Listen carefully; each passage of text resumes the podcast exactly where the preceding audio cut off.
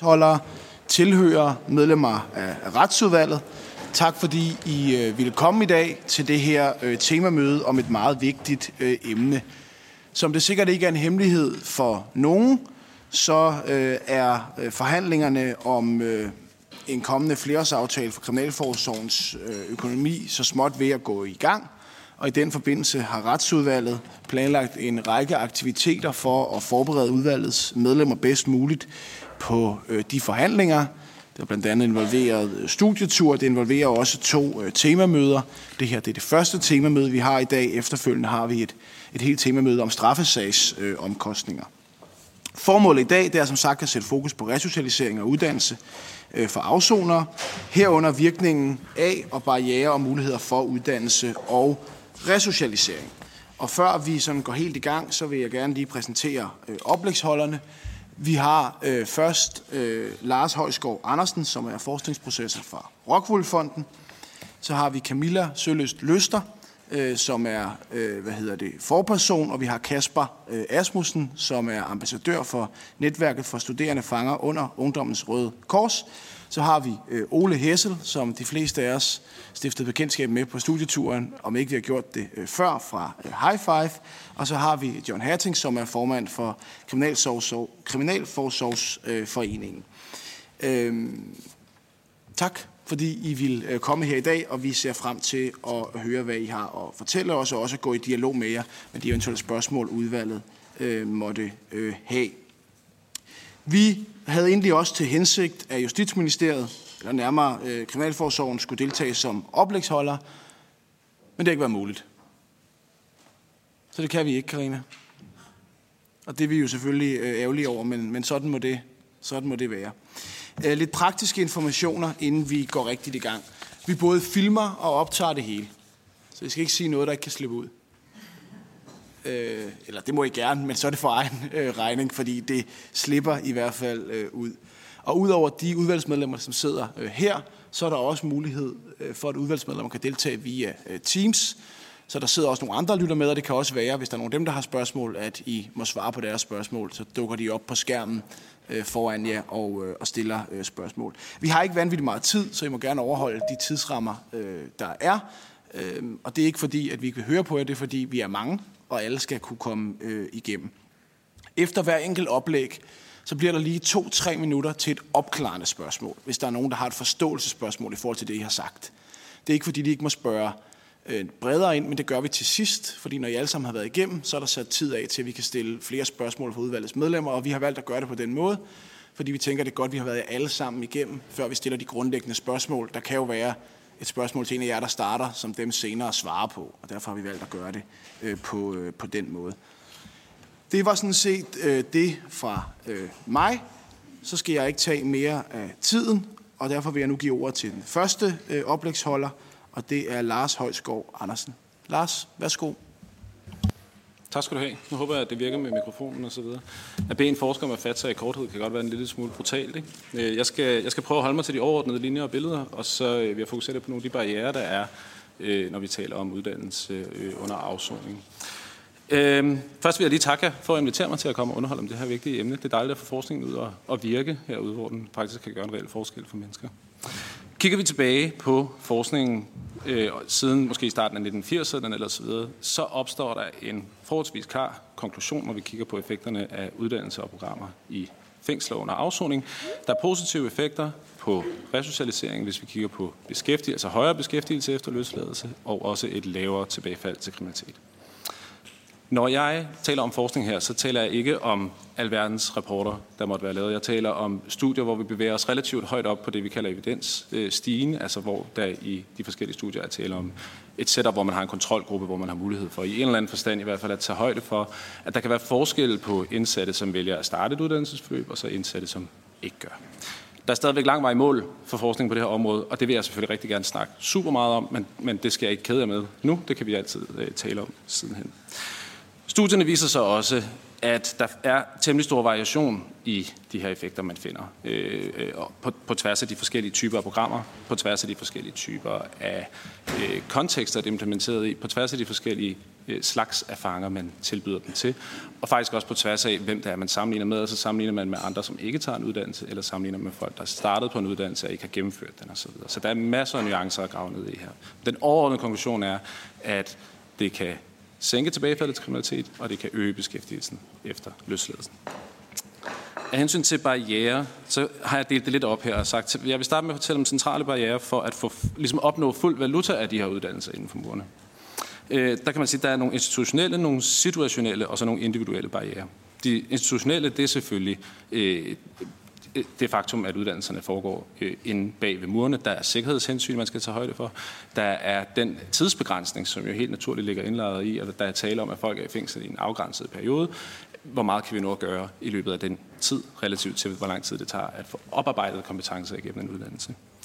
Så er det de situationelle. Så det er så, hvad skal man sige, personens øh, specifikke situation. Det kan godt være, at den indsatte, at det ikke er uddannelsesmangler, der står højt på vedkommendes prioriteringsliste, når man er i fængsel. Det kunne være, at relationen til familien i virkeligheden var det vigtigste. Vi kan også se, at, øh, at, at hvis vi kigger ud i forskningen, at, at der, der kan være problematikker omkring, hvis man har venner, som ikke værdsætter uddannelse uden for murene, så kan det være rigtig svært ligesom selv at opbygge motivationen til at komme i gang med at tage en uddannelse. Vi kan også se, at der faktisk er nogen, som tager den her uddannelse inde bag murene for at få tiden til at gå, og i håbet om at blive at øh, øge chancen for at blive løsladt tidligt, øh, eller prøve løsladt øh, før tid, simpelthen. Og det kan man jo diskutere, om det er det stærkeste incitament til at tage sig en uddannelse.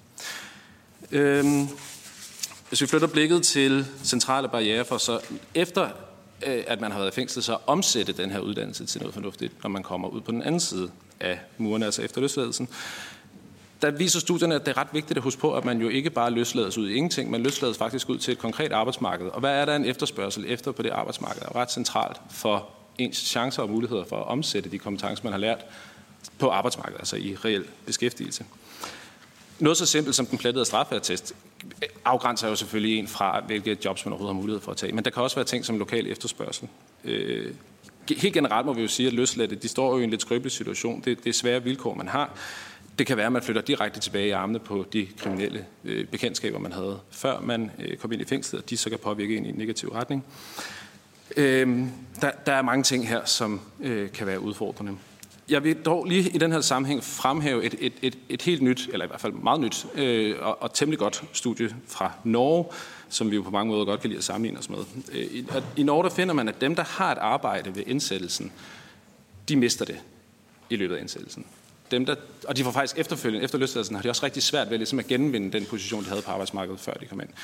Dem, der ikke har et arbejde, når de kommer ind, dem, der generelt er de svageste, når de kommer ind, hvis de, de, de er simpelthen mere tilbøjelige til at modtage den hjælp, man tilbyder inde bag murene, og de oplever faktisk også et større afkast af dem, altså simpelthen stærkere resocialiserende afkast af at deltage i de her forskellige programmer. Både når vi kigger på beskæftigelse, når vi kigger på tilbagefald til kriminalitet. Så ligesom kernen her er, at hvis man har noget at miste, når man kommer ind i fængsel, så er der en stor risiko for, at man mister det. Hvis man kun har noget at vinde, altså som ikke har mere at miste, så er der faktisk en mulighed for, at vi kan bygge op og, og, øh, og, og bygge på øh, for fremtiden. Øh, det her det er faktisk også blevet vist i et amerikansk studie, øh, men der aftager effekten efter tre år. Det gør den faktisk ikke i de norske. Det sidste, jeg vil tale om, nu ved jeg ikke, hvordan jeg står til med tiden, men jeg skal prøve at gøre det kort, øh, det er så, hvornår er den her uddannelse mest effektiv? Det kan man sige helt kort fortalt, det er den mest effektive, hvis den tilpasses den enkelte, hvis den matcher det relevante arbejdsmarked, man ligesom bejler til, og hvis den så balancerer viden og færdigheder, og så det, vi kalder soft skills, altså hvad skal man sige, mere menneskelige øh, egenskaber eller, eller værktøjer. Det kunne være for eksempel øh, problemhåndtering, og øh, hvordan man samarbejder på en fornuftig måde osv. Øh, og så øh, er en, en uddannelse også effektiv, hvis den gennemføres også gerne i overgangen til løsladelse fra fængslet. Øhm, med hensyn til tilpasningen til den enkelte, hvis jeg må knytte en kort kommentar til hver af de her punkter, øh, så har vi jo faktisk allerede siden 2015 i vores modtagelsesprocedure i de danske fixer har den, den her RNR-screening, øh, hvor vi vurderer, ligesom, hvad, hvad er personens risikobillede og behov, og hvor sandsynligt er det, at de kan ligesom øh, respondere fornuftigt på, øh, på, på de tiltag, vi må give vedkommende. Og her kunne man jo overveje, om man, eller man kunne diskutere, om der var mulighed for at udnytte den information, man får igennem den her screening bedre øh, relativt til det uddannelsesbillede, vi har. Så er der det med matchet til det relevante arbejdsmarked ved løsladelsen. Øhm, der er nogle studier, der viser, at indsatte de kan have nogle temmelig urealistiske forventninger til sig selv og til værdien af den uddannelse, de tager under afsoning. Øh, man kan sige, hovedformålet med uddannelsen det er selvfølgelig at opbygge færdigheder i en bred forstand, men den skal jo også ligesom kunne omsættes i, til beskæftigelse, hvis vi gerne vil kunne se, at resocialisering virker den vej igennem. Og her der kan man jo stille spørgsmålet om, om uddannelsen skal tages på personens præferencer og præmisser, eller om den skal tages på det lokale arbejdsmarkeds præmisser. En diskussion, som jeg hører nogen herinde går lidt op i for tiden. Øhm, så er der det her med balanceringen af indholdet i uddannelsen. Teoretisk viden og praktisk færdigheder. Det, det er vigtigt at anerkende, at vi har at gøre med en persongruppe, som har relativt begrænsede ressourcer at arbejde med her. For eksempel så er der nogle studier, der viser, nu kender jeg ikke det danske billede her, men nogle internationale studier, der viser, at folk i fængsel generelt har voldsomme læsevanskeligheder, altså simpelthen analfabeter mange af dem. Øh, der er ikke super meget uddannelsesbaggrund at arbejde med i, udgangs, øh, i udgangspunktet. Men det er vigtigt at huske på, at uddannelse er mere og andet end viden og færdigheder øhm, og diplom. Det er også ligesom den, den bredere tilgang til tilværelsen, den måde, altså det, det her, vi kalder soft skills, det er, at man lærer vedholdenhed. Det her, at man lærer at omgås andre mennesker på en bestemt måde. Det sidste, jeg skal tale om, og det gør super, super kort, det er det her med vigtigheden af at gennemføre en uddannelse. Her er forskningen faktisk temmelig uklar. Øh, spørgsmålet er jo, om effekterne kommer af at deltage i et uddannelsesforløb, eller om de kommer af at gennemføre et uddannelsesforløb og få et diplom, man kan søge et job med. Der er jo ikke nogen tvivl om, at det her med at have et diplom, det er jo et stærkt kort, når man er ude og skal søge arbejde. Men omvendt må vi også sige, at der, der er internationale studier, der viser, at alene det at være en del af uddannelsesprocessen faktisk kan flytte på nogle ting øh, ind i hovedet på folk, der gør, at de orienterer sig en, en smule anderledes øh, over for andre mennesker osv. Så, så der kan også ligge en værdi der. Øh, noget, der er centralt her, det er jo måske en problematik, som jeg tænker, det kunne være interessant for jer at diskutere, det er, hvad sker der i overgangen til løsladelsen? Så både når man kommer ind i fængslet, kan det jo være, at der er en uddannelse, der bliver afbrudt, men når man så starter på et uddannelsesforløb i fængsel, så risikerer vi jo faktisk også, at det bliver afbrudt i overgang til friheden, fordi at uddannelse måske ikke er det vigtigste i den skrøbelige situation. Der vil man måske hellere finde tilbage til familien, man har måske en lang række af udfordringer, og der er det ikke sikkert, at uddannelse er det, der scorer højst på listen. Jeg skal ikke tage mere af jer tid nu. Tusind tak, fordi jeg måtte komme og underholde jer. Tusind tak, Lars. Øh, først for nogle spændende pointer, og også for en forbindelig overholdelse af tiden. Så det er, det er win-win. Øh, er der nogen, der har et kort opklarende øh, spørgsmål? Det har uh, Samir Narva fra det radikale Venstre. Tak. Øhm, det er jo fordi, at du pegede på, øh, på effekterne, altså at man sænker tilbagefald og, og øger beskæftigelsen. Men kan man også blive mere konkret og sætte nogle tal på? Altså så så mange timers uddannelse øh, øger sandsynligheden med x procent for, for beskæftigelse eller, tilbage, eller sænker til, for tilbagefald? Tak. Altså ikke på stående fod. Øh, det kunne man sådan set godt grave ned i de enkelte studier og se, men, men, men jeg tror, at den pointe er, at der er rigtig, rigtig stor variation afhængig af, hvad det er for en uddannelsestype og hvad det er for et program, man bruger på hvilken modtagergruppe. Så øh, i stedet for at kigge på den eksisterende forskning og de, de specifikke tal, man har for effekterne, øh, så giver det måske mere mening at tænke det her som en, hvordan kan vi tilpasse det til den kontekst, vi sidder i her, øh, og udnytte den forskning, der findes på området. Fordi altså, tallene er en lille smule i mange retninger, og både positive og negative. Øh, og når jeg siger, at der overordnet set er positive effekter, så er det baseret på den samlede forskningsmængde. Sådan nogle metastudier, der er lavet, hvor man simpelthen kører hele det, det samlede vidensbillede ind i en stor maskine, og så ser, hvad der, hvad der tegner sig. Pernille Vermund, Nyborgerlige. Bare kort, kan du sige noget om forholdet mellem øh, uddannelse og så alternativet praktisk erfaring eller arbejde i forhold til resocialisering og recidiv?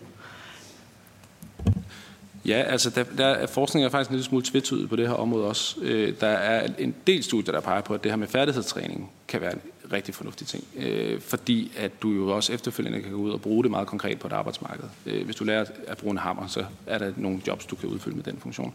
Øh, hvor viden, eller sådan mere skal vi sige, teoretisk eller akademisk viden, kan være en lille smule svært nogle gange om, om den til et... Øh, til, øh, til sådan konkrete øh, øh, værktøjer ude i virkeligheden. Men det er altså ikke sådan, at forskningen entydigt peger på den ene ting er bedre end den anden. Øh, det, det er en lille smule, øh, en, en lille smule mudret billede, der tegner sig på, på, på det område. Øh, et, et bedste bud, eller et forsigtigt bud er i hvert fald nok. Der skal være en eller anden balancering af de her ting, for at man får maksimalt udbytte af det. tak for uddybningen, øh, Lars. Så går vi videre til øh, næste øh, punkt på øh, dagsordenen, som er øh, Camilla og øh, Kasper. Og I beslutter selv, hvordan I fordeler taletiden øh, mellem jer. Jeg ved ikke, hvem er der vil starte. Det vil Camilla. Så smukt, tak. Jamen, så blev det vores tur, øh, og inden øh, vi går i gang med at præsentere os selv, så kan jeg godt Et øjeblik, Camilla. Øh, Ja. Hvis man er med på Teams, skal man slå sin lyd fra.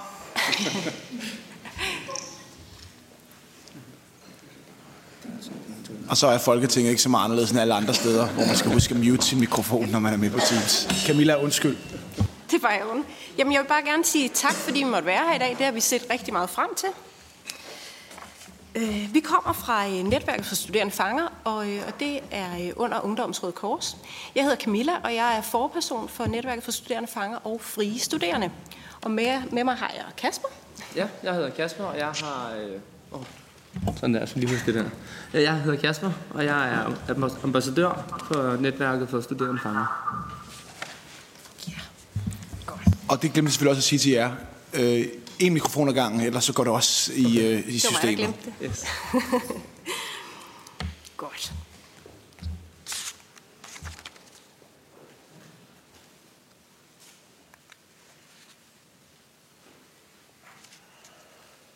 Jeg synes ikke, den rigtig vinde noget. Jeg trykker og trykker.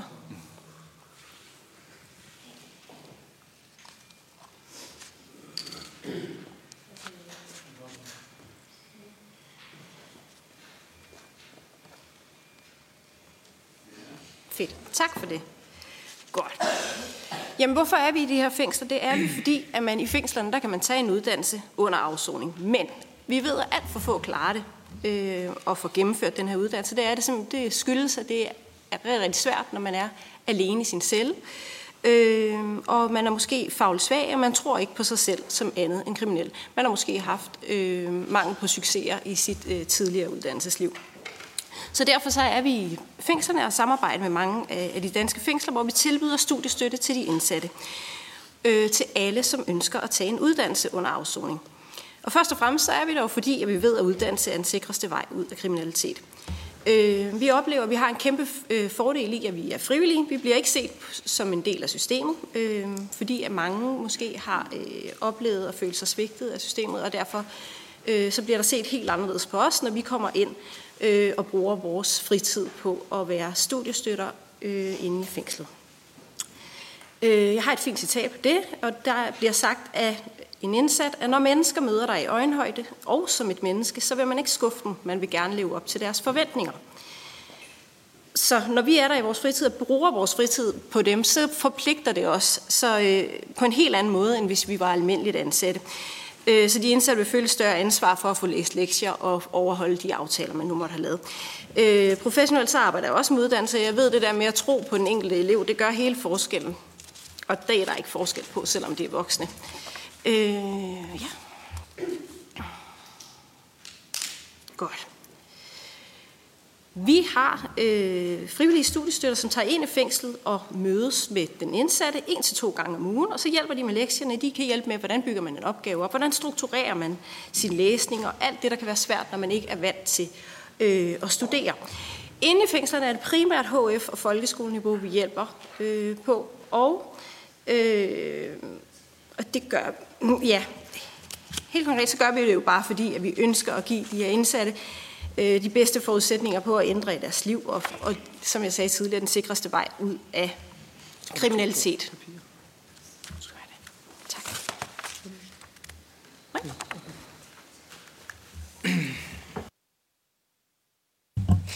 Jamen, øh, så vil jeg lige sige noget. Som sagt, jeg hedder Kasper, og jeg er ambassadør øh, for netværket for studerende fanger. Øh, nu har jeg kun fire minutter og meget på hjertet, så hvis jeg taler lidt for hurtigt, så er det nok fordi, at øh, jeg har rigtig meget, jeg gerne vil have sagt. Øh, og du må også gerne lige række hånden op, hvis der er, eller nogen lige spark til mig, hvis der er, taler for længe.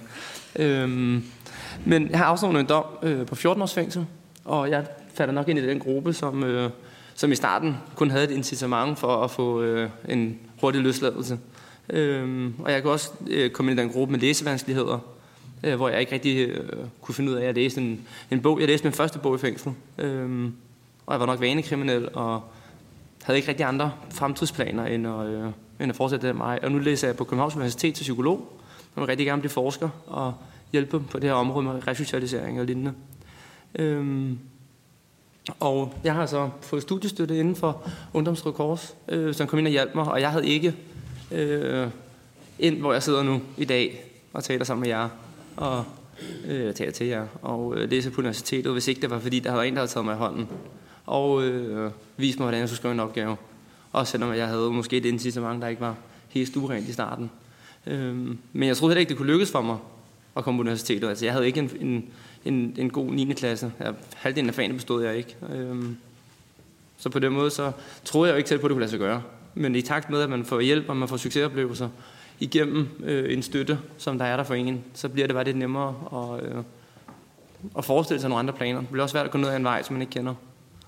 Øhm, og også i forhold til noget andet, der blev sagt, i forhold til øh, effekten af uddannelse. Nu kender jeg selvfølgelig ikke de samme øh, statistiske analyser, som der blev lavet, og øh, er på samme måde. Men jeg har jo set øh, folk på uddannelsesafdelinger og i fængslerne øh, sidde og knokle. Og to af dem, der var på det første slide, har jeg siddet i fængsel med.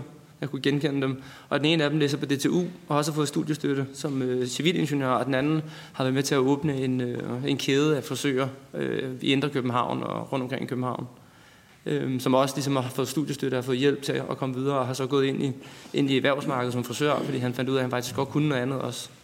Øh, så der er bare mange succeshistorier, som jeg også bare synes, der er rigtig vigtigt at pointere.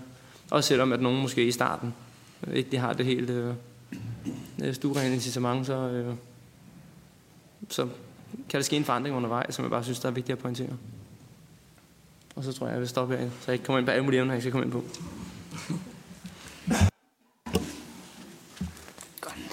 Det her studiestøtte, det ved vi, at vi, at det virker. Vi har en øh, succesrate på 100%. Alle indsatte, som øh, har fået øh, hjælp fra en studiestøtte fra Ungdomsrød Kors, de har bestået deres eksamen. Derudover så ved vi, at 75% de får mere motivation til at studere. Igen har jeg et citat. Der bliver sagt, at det at have en studiestøtte det giver i allerhøjeste grad bedre motivation for at gennemføre en uddannelse, samt at vende tilværelsen fra det kriminelle. Studiestøtten er både medvirkende til at støtte op om min studier, når der er behov, samt til at jeg møder et menneske, som er fjern fra mit miljø og omgangskreds, hvilket hjælper mig til at se helt anderledes på en normal tilværelse. Derudover så ved vi også, at 80 procent de får sociale succesoplevelser. Øh, su- succesoplevelser. Øh, for eksempel har vi et af de fængsler, vi samarbejder med, som øh, hvor de lige pludselig, at de studerende begyndte øh, internt at, øh, at konkurrere, men det var altså en konkurrence på højeste snit. Øh, så de begyndte at ændre i deres adfærd og have et helt andet øh, forhold til hinanden. Øh, det øh, gik faktisk også sådan, at nogen fik udgangstilladelse, fordi deres øh, adfærd blev ændret i en sådan positiv grad. Øh, og en af dem begyndte at læse op øh, på et supplerende fag på universitetet, når han havde udgangstilladelse. Øh, Godt. Vi bladrer lige en gang. Men for at vi kan få øh, så stor succes med det her, som vi ønsker, så øh, har vi altså nogle udfordringer, vi har brug for noget hjælp til. Øh, vi oplever, at Kriminalforsorgen de har så travlt med deres opgaver, at de nogle gange ikke har tid til at facilitere vores støtte eller de indsatte studier. De vil rigtig, rigtig gerne have den her hjælp, og vi har et fantastisk godt samarbejde med Kriminalforsorgen. De er bare så presset, at de ikke har tid til at give os den hjælp, som de gerne vil give os, og som vi har behov for. Øh, og vi ved jo, at der er et behov for vores støtte, og vi får lutter positiv feedback, men helt konkret så oplever vi, at personalet de har ikke ressourcer til at følge de frivillige til besøgslokalet, eller følge de indsatte til computerrummet de steder, hvor det er tilladt med online undervisning. Øh, og derudover øh, er der heller ikke ressourcer til at gøre opmærksom på det her tilbud, vi har. Øh, vi har masser af frivillige, der står klar til at hjælpe. Vi mangler altså bare den her øh, indgangsvinkel for kriminalforsorgen. Øh, vores frivillige er alle sammen unge. De er meget ressourcestærke, alle sammen i gang med en øh, som minimum mellemlang videregående uddannelse, men de fleste er i gang med en lang videregående uddannelse. Øh, og de ved, hvordan man gør. De ved, hvordan man studerer. Øh, vi har masser af frivillige, som gerne vil stræde til. Det er et rigtig, rigtig populært øh, frivillige område, det kan jeg sige, uden at overdrive det mindste. Vi har faktisk måttet oprette en venteliste, fordi at vi har så mange frivillige, der dagligt skriver til os og gerne vil være en del af det her projekt og være studiestøt.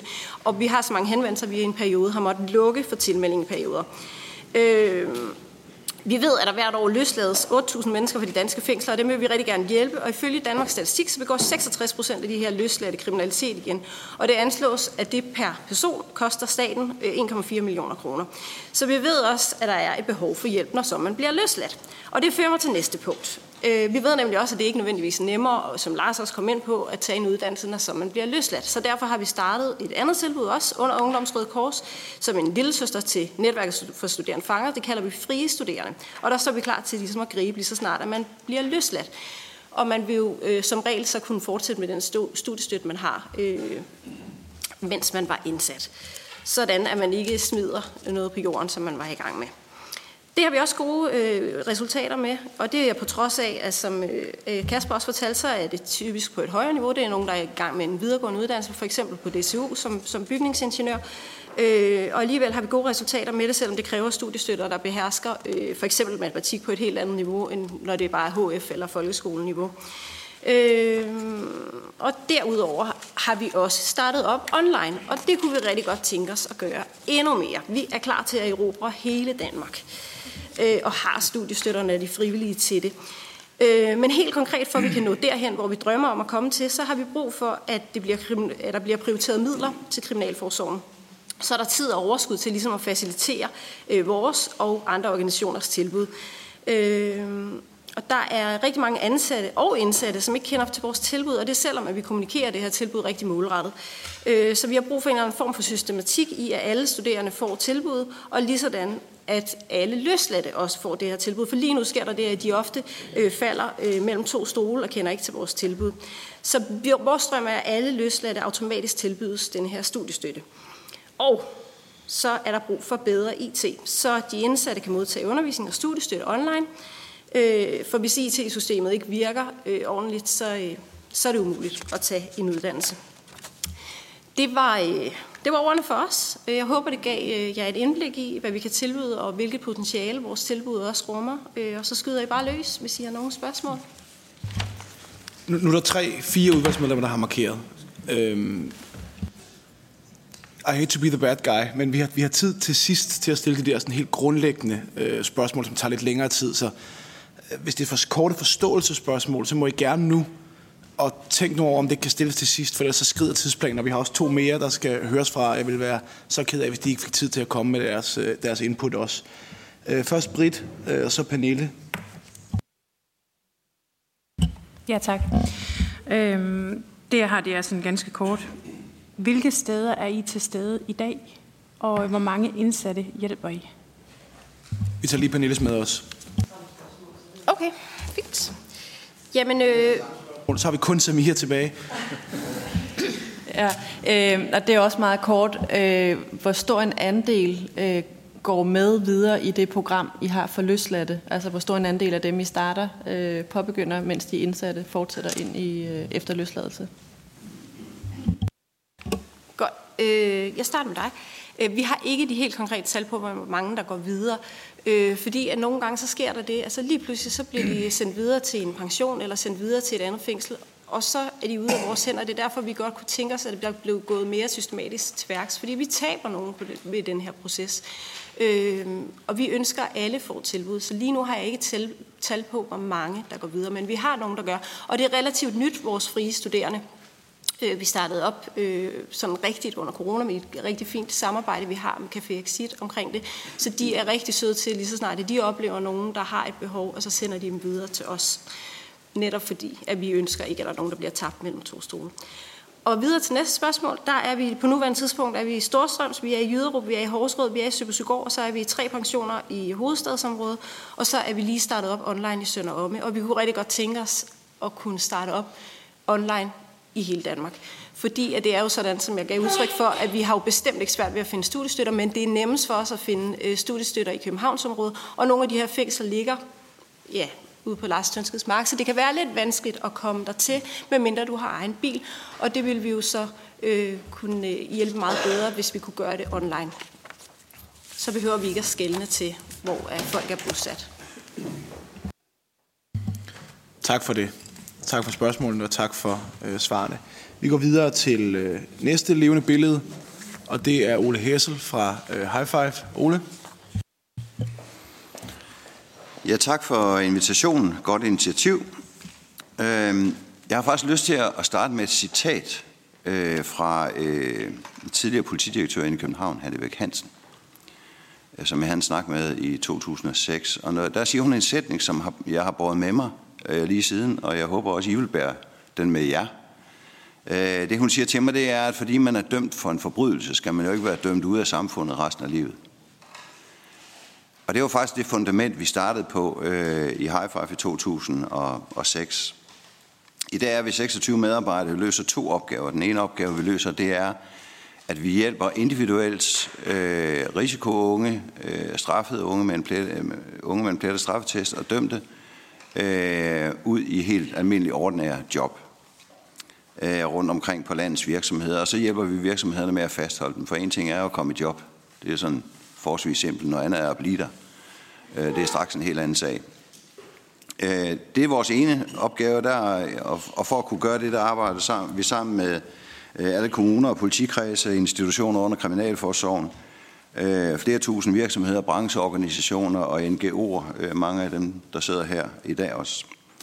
Øh, cirka 70 procent af de unge, vi placerer i, i individuelle job, de kommer positivt videre i selvforsørgelse uden kriminalitet.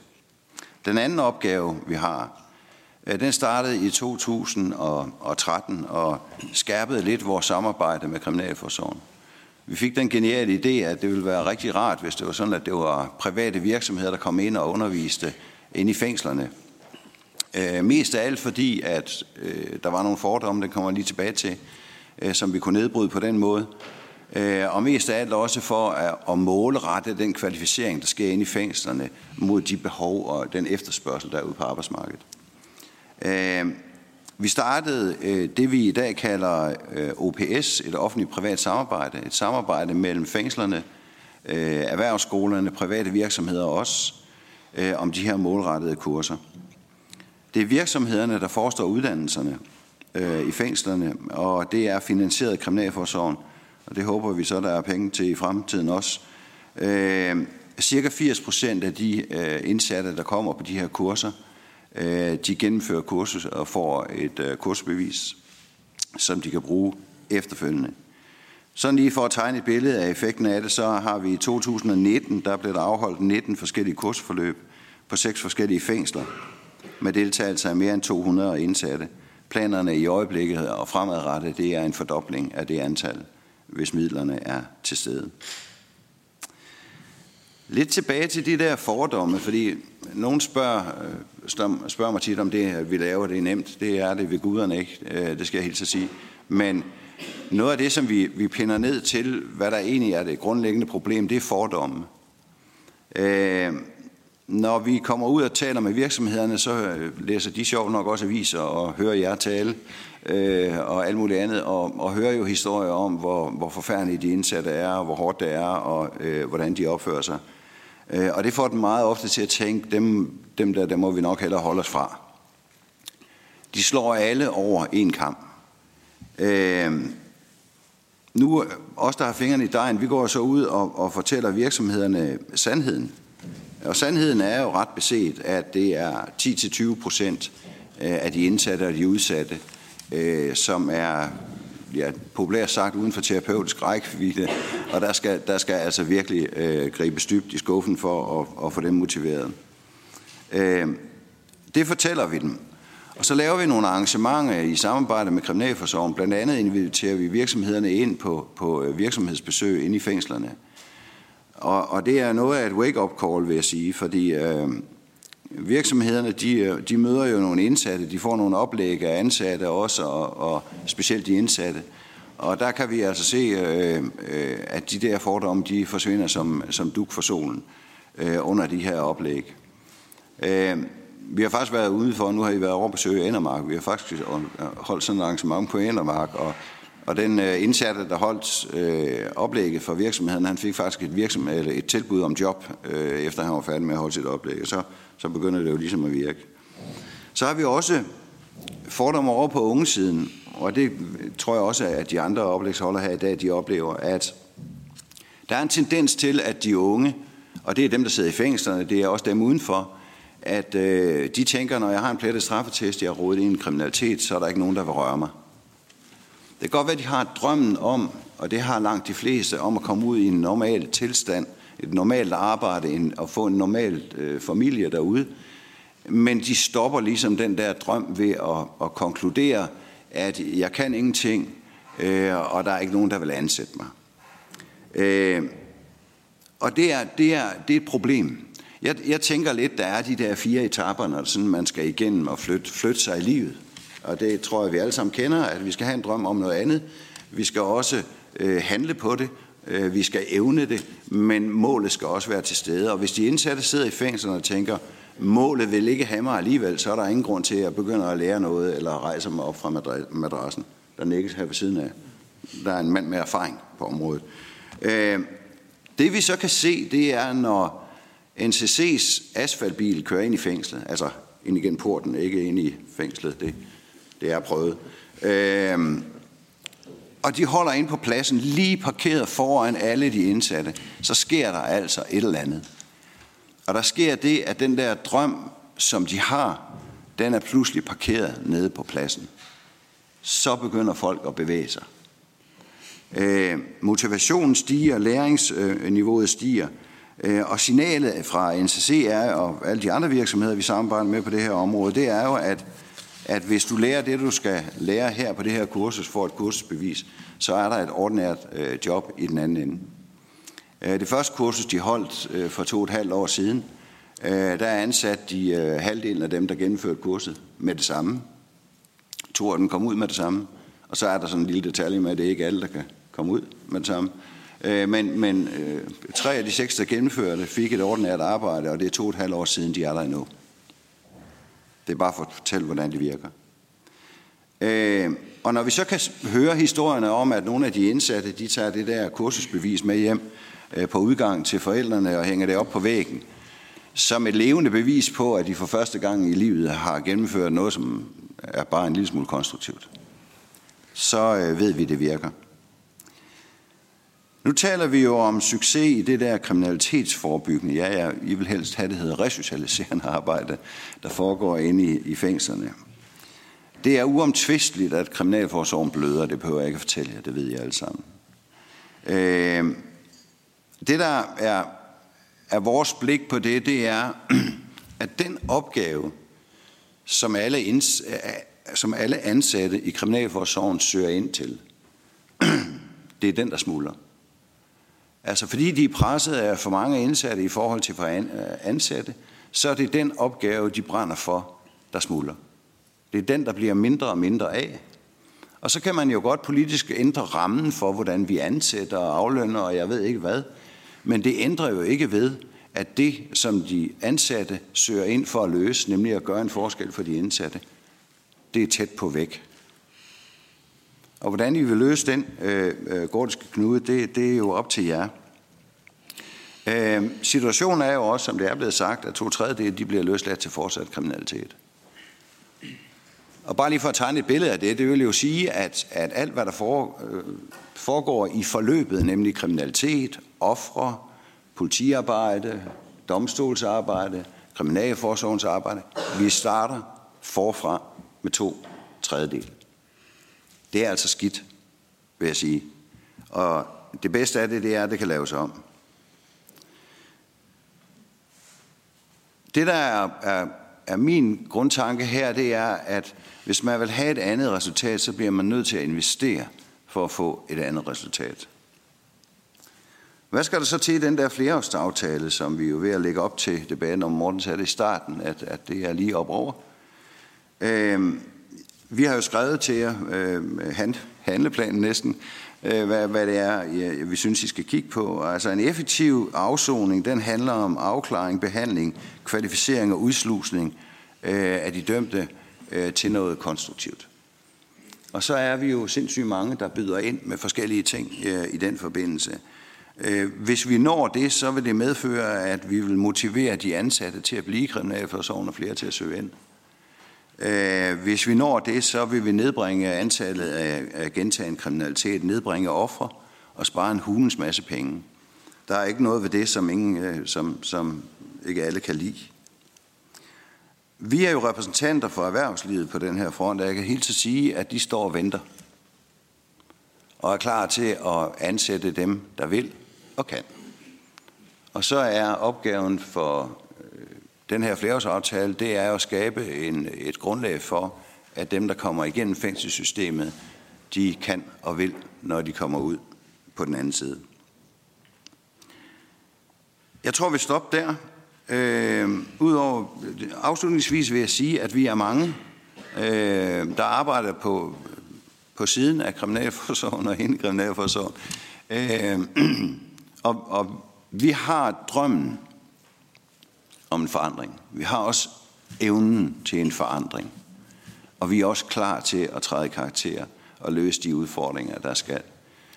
Men jeg bliver nødt til at sige, at det er altså det politiske øh, billede her. Det er jer, der tegner, hvad det er for et resultat, I vil have. Og så skal vi nok løbe efter det. Hvis I synes, det er acceptabelt, at to tredjedel løslades til kriminalitet, så fortsætter vi, som vi plejer. Så får vi nok det resultat, vi plejer at få. Tænker jeg lidt. Hvis I gerne vil have et andet resultat, så må I definere det resultat, så skal vi nok fortælle jer, om det kan lade sig gøre. Og til hvilken pris. Og tro mig, det kan godt betale sig. Tak. Tak, Ole. Karina har et øh, kort opklarende spørgsmål. Karina Lorentzen, SF. Skal. Ja, I vil gerne fordoble antallet, så vi når op på 400 indsatte, der kan få de her programmer. Indebærer det så også, at I ønsker at lave øh, indsatser for de over 30-årige? Også fordi i dag er det jo kun de unge, og det giver jo også rigtig meget mening, at det lige præcis er de unge, fordi hvis vi kan komme tidligt i gang med at forebygge, så er det jo rigtig godt. Øh, eller skal der lægges oven i de 400 så, for at få de over 30-årige med? Tak for spørgsmålet. Øhm, det er sådan, at vi blev finansieret på grundlag af en projektbeskrivelse, der beskrevet helt tilbage i 2005, og det var et unge projekt. Øh, og derfor har vi været nødt til at holde os til ungedelen, der hedder 15-30 år. Vores ambition er sådan set at slippe alt det, øh, når vi ryger over og, og søger om en fordobling, fordi grundlaget for at lave en fordobling af det, vi gør, altså doble op på individuelle match, men også doble op på, øh, på OPS, øh, uddannelsesforløbene i fængslerne, er også en ambition, og der skiller vi ikke til alder i vores, øh, i vores fremtid. Øh, og, og vi søger også øh, en portion penge til at begynde at lave øh, forebyggende arbejde i samarbejde med politikredse og kommunerne. Øh, det eftersøger de, øh, efterspørger de lidt derude at vi begynder at kigge på, kan vi, kan vi lave noget fritidsjob, hvad ved jeg, øh, til udsatte unge ude i boligområderne, så vi og, faktisk undgår, at de går ind i det her forløb. Der er jo rigeligt, der gør det, tænker jeg lidt. Tak for det. Så går vi videre til øh, sidste øh, oplægsholder, før at udvalgsmedlemmerne får mulighed for at slå gækken løs med spørgsmål, der ikke bare er opklarende karakter, men øh, alle slags øh, spørgsmål og det er John Hatting, som er formand for Kriminalforsorgs, Kriminalforsorgsforeningen. Det er simpelthen et svært ord at sige. Det kan godt være, at det kun er mig, der har udfordringer. Du er det, ikke men... den eneste, der ja, det er godt, John. Måtte, øh... Men ordet, ordet er dit. Tak for invitationen. Vi står på en brændende platform. Det ved I.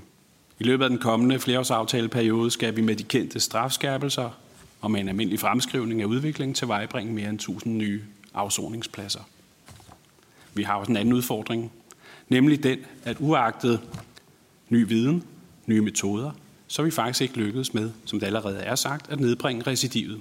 I perioden fra 2001 og frem til i dag er recidivet ikke faldet. Det er snarere stagneret. Det vil sige, at vi i Kriminalforsorgen måske kunne man, hvis man skulle give det karakter, dumper. Det er også allerede sagt, at mere end 6 ud af 10 kommer tilbage i fængsel igen inden for en toårig periode. Og spørger du på enhver given dag landets indsatte, om de har siddet i fængsel før, så er tallet markant højere. Så vi ikke lykkes med at bekæmpe ny kriminalitet, og vi lykkes faktisk heller ikke med at øge samfundsdeltagelsen efter en straf. Det er de to vigtigste parametre for at nedbringe kriminaliteten i samfundet. Hurtigt, effektivt og ikke mindst varigt. Og jeg tænker, det er vigtigt at huske på, at det er unge mennesker, der sidder i fængsel. Så vi skal altså løse den her dobbelte opgave med at få dem ud af kriminalitet og ind i samfundet. Løsningen er jo, at vi her nu tilvejebringer de manglende 1000 pladser på områder, hvor vi ved, at vi er alene med den afsovningsform, vi etablerer for at bekæmpe ny kriminalitet. Så hvordan gør vi det? Jeg har seks forslag med til jer. Etabler 5 til 7, ja måske endda 8 nye udslusningsfængsler. De er små, og de kan etableres relativt hurtigt. Vi står på solid viden fra ind- og udlandet. Recidivet er helt ned omkring 20 procent. Og udslusningsfængslerne kan blandt andet ligge i områder, hvor der i dag ikke er fængsler. På den måde bygger vi bro til frihed, tæt på, hvor det enkelte liv skal leves, og vi øger den dømtes mulighed for at holde fast i arbejde og uddannelse. Det giver et sted mellem 180 og 250 nye pladser.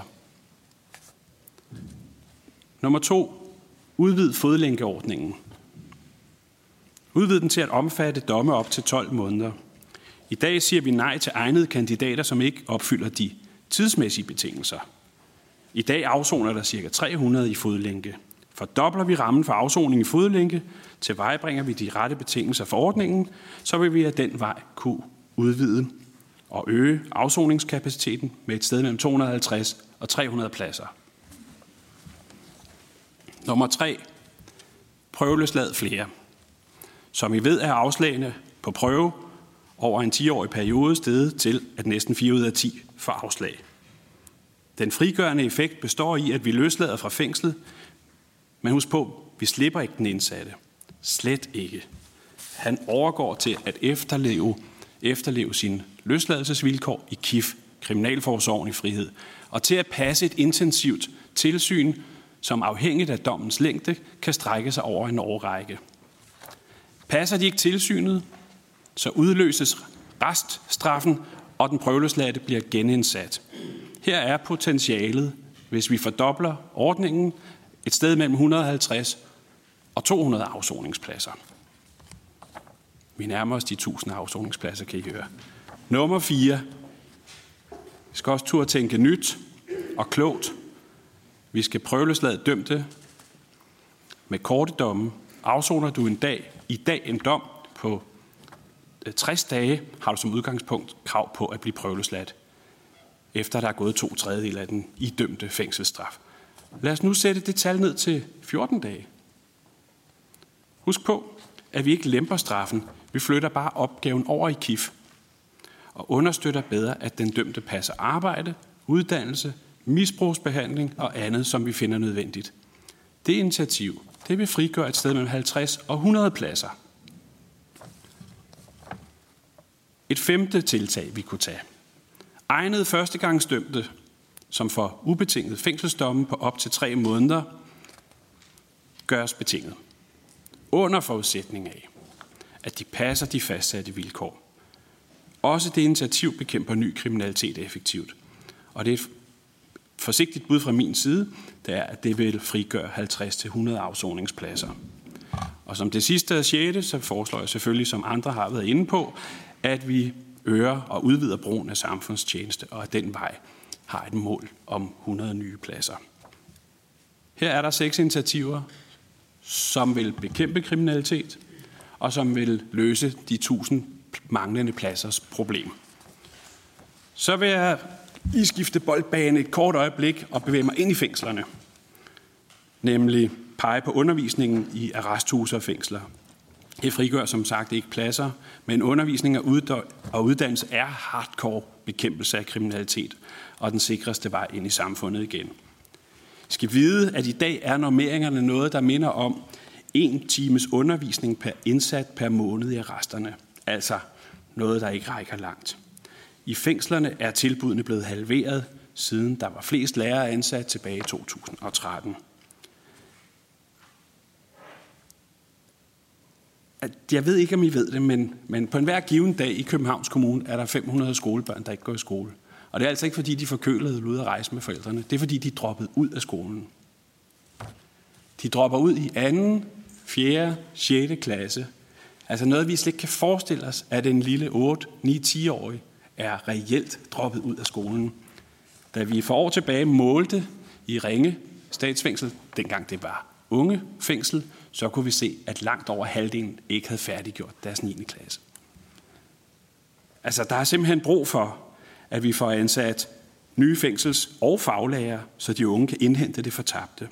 Vi skal satse yderligere på alt det, der er selvfølgelig de formelle, de uformelle færdigheder, og ikke mindst, at en stor gruppe af de indsatte efterspørger erhvervsfaglige uddannelser.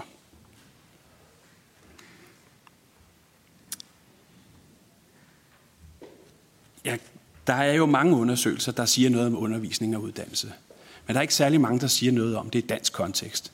Der er store amerikanske studier, der siger, at for hver dollar, du investerer, får du 17 dollars igen. Altså, der er internationale erfaringer, der peger på, at når man investerer i mennesker, så kommer det igen, ikke kun i 10 folk, men rigtig mange gange igen. Og så ved I jo selvfølgelig også, at vi er med til at nedbringe kriminaliteten og skabe et tryggere samfund. Så jeg vil slutte af med at sige tak for ordet, og nu er det jo jeres opgave at skabe den kriminalforsorg, som vi alle sammen håber og ønsker, nemlig at den kan bekæmpe kriminalitet mere effektivt, skabe bedre overgang til frihed og på den måde understøtte, at den enkelte kommer ud af kriminalitet og ind i samfundet. Tak for ordet. Tak for det, øh, og tak for øh, spændende og interessante oplæg. Og nu går vi så over til mere øh, brede spørgsmål fra udvalget. Og der er det dejligt at være formand, for så kan man sætte sig selv på først. Øh, og jeg har først en kommentar og så et spørgsmål. Og min kommentar, den starter ved dig, John. Og det kan jeg bare sige på Venstres vegne, er det også ret væsentligt i de forhandlinger. Jeg synes, du mangler et punkt i, hvad Kriminalforsorgens formål er. Og det er også at give noget retsfølelse til offrene. Og jeg er helt med på det, vi siger i forhold til resocialisering og sørge for, at folk ikke falder tilbage. Men for os kommer det altså også til at være et punkt i de her forhandlinger, at et retssystem og et fængselsvæsen også skal give noget retsfølelse til ofre. Og for mig er det retsfølelse og retfærdighed, at ofre for grove forbrydelser også ser deres gerningsmænd spærret inde på en frihedsstraf. Det ved jeg godt, man kan have forskellige politiske holdninger til, men, men det vil jeg bare sige, det, det er altså også ret væsentligt for mig og for, for mit parti. Det var mere en kommentar. Spørgsmålet øh, til, til Lars. Er der noget forskning, der viser, om der er forskel på øh, altså effekten, alt efter hvilken type forbrydelse det er, man har begået? Altså er der større effekt af den her uddannelsesindsats for folk, der sidder inden for narko, end folk, der sidder inden for grov vold? Altså er der en, en forskel i, øh, hvilken effekt det har, alt efter øh, hvilken type forbrydelse det er, der er blevet, øh, blevet begået? Det er jo et, et, øh, ret godt, øh, et ret godt spørgsmål. Øh, jeg kender ikke til konkrete studier, der ligesom påviser effekter for specifikke lov, altså typer af lovovertrædere, men, men hvis vi tænker lidt over, hvad forskellige lovovertrædelser, altså hvad, hvad lovovertrædelsens karakter måske kan afsløre om, om, om personlige karakteristika, så kan man, kunne det jo godt give mening, at der kunne være en forskel, man kan sige. Øh, typisk er, er, er voldskriminaliteten jo, det er jo en meget aggressiv øh, form for kriminalitet, hvor man kan sige, der kan måske være nogle problemer omkring selvkontrol øh, som kunne være et, et, en, en ting, man, man så eventuelt ville, ville kunne enten lukrere på eller, eller arbejde med i et uddannelsesregi. Omvendt, så nu, nu nævner du for eksempel altså, folk, der får en narkotikadom. Der, der, kan man, altså, der er jo en vis, øh, der, der er jo en vis øh, hvad hedder sådan noget, det, det kræver noget, noget, at man er lidt entreprenant at opdyrke det marked, der skal, der skal til, den kundekreds, der skal til for at, øh, at, at lave den form for kriminalitet. Så, så igen kan der jo være nogle, altså der, der kan jo sagtens gemme sig nogle, nogle kompetencer i som, som er forskellige på tværs af de her øh, øh, typer af, af, af gerningspersoner. Men det er ikke noget, som, som man mig bekendt har forskning på helt konkret. Tusind tak. Øh, Samir? Tak. Og også bare sådan en samlet tak til nogle rigtig øh, interessante øh, oplæg. For mig at se, så Altså øh, noget af det, som jo øh, netop øh, kan sikre blandt andet en god retsfølelse øh, og hjælpe både øh, ofre, men jo også øh, samfundet, det er, at man undgår de her tilbagefald, og det er derfor, at jeg og Radikale Venstre er så interesseret i lige præcis resocialisering og, øh, og uddannelse.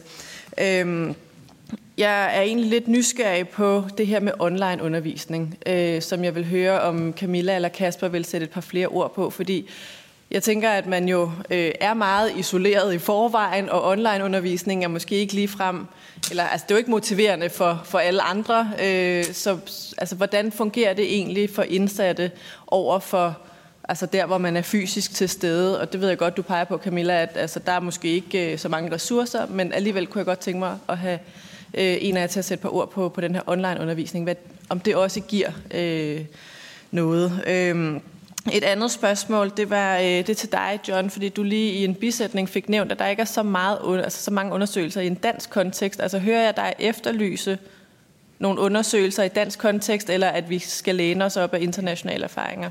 Tak.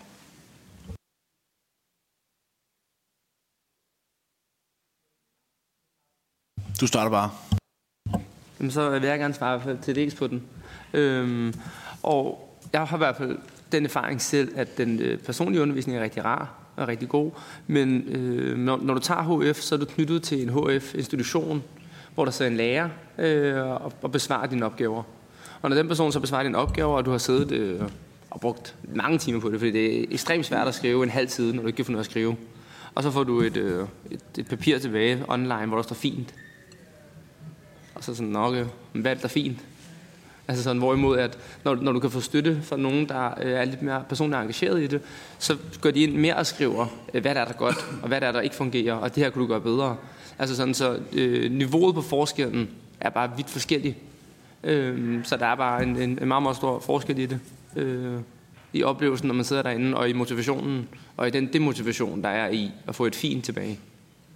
Altså sådan, så på den måde, så øh, gør det en stor forskel for os, der sidder derinde, og kunne få den støtte. Jeg vil bare lige tilføje også, at vi har kun øh, fået positiv feedback på, at der, vi også tilbyder online støtte nu. Der kan også være nogen, der finder tryghed i, at det er online, så ikke man sidder over for øh, en, en studiestøtte fysisk. At der er en eller anden form for distance, og så kan man øh, blive mere og mere tryg i det bånd.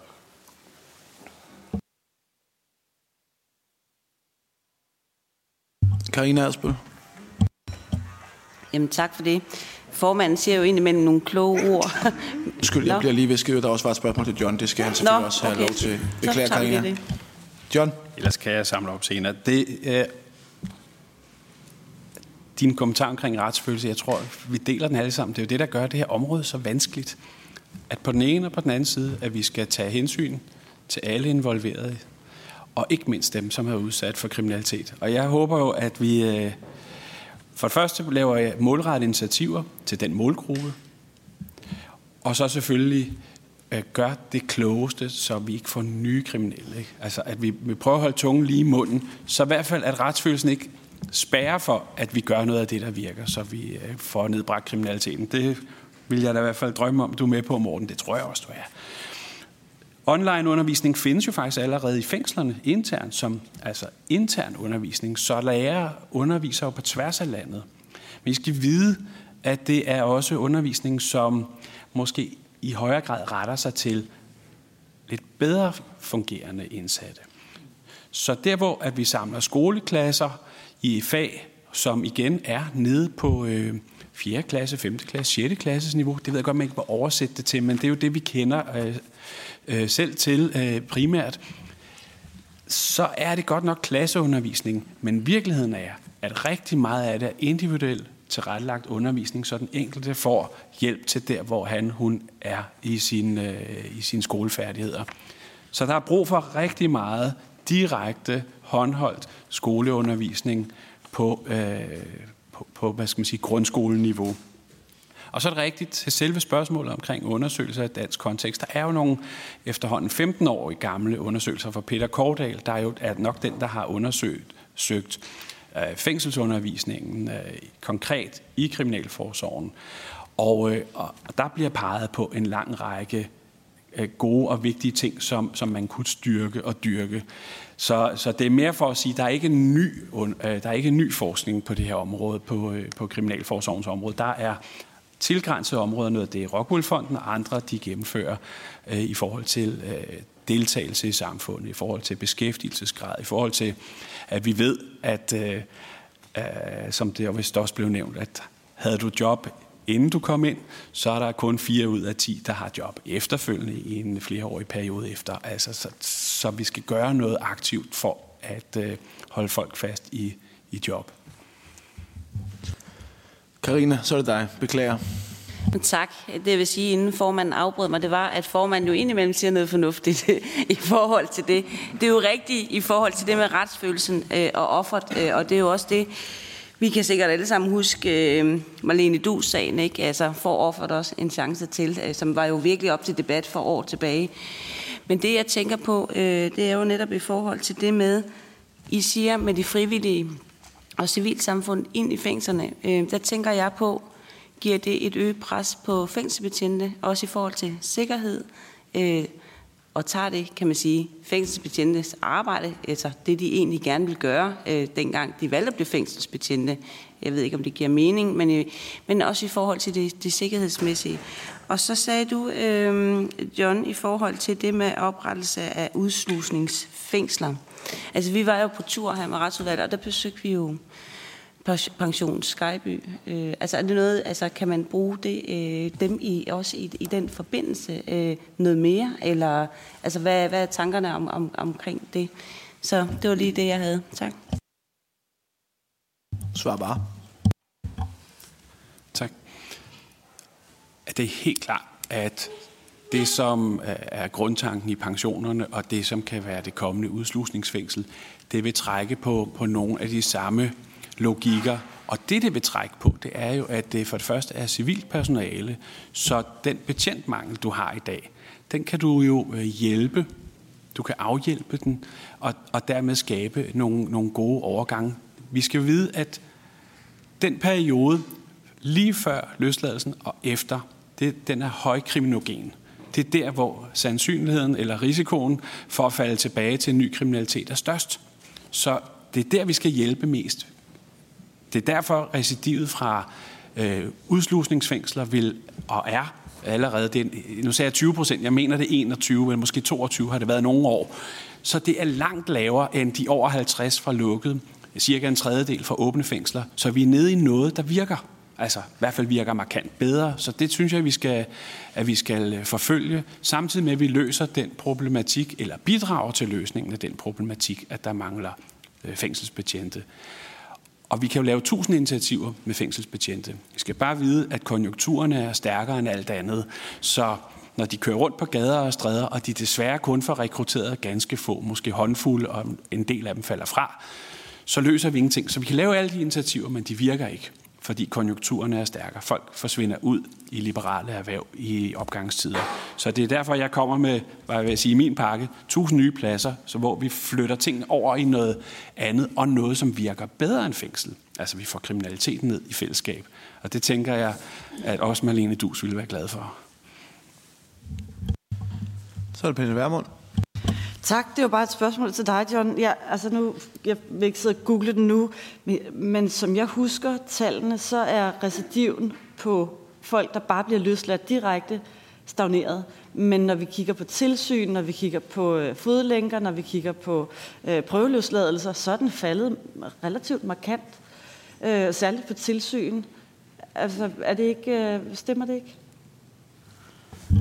At vi har jo en kortere periode med fodlænke, kan man sige. For det har vi jo kun haft øh, de, sidste er det 12-13 år.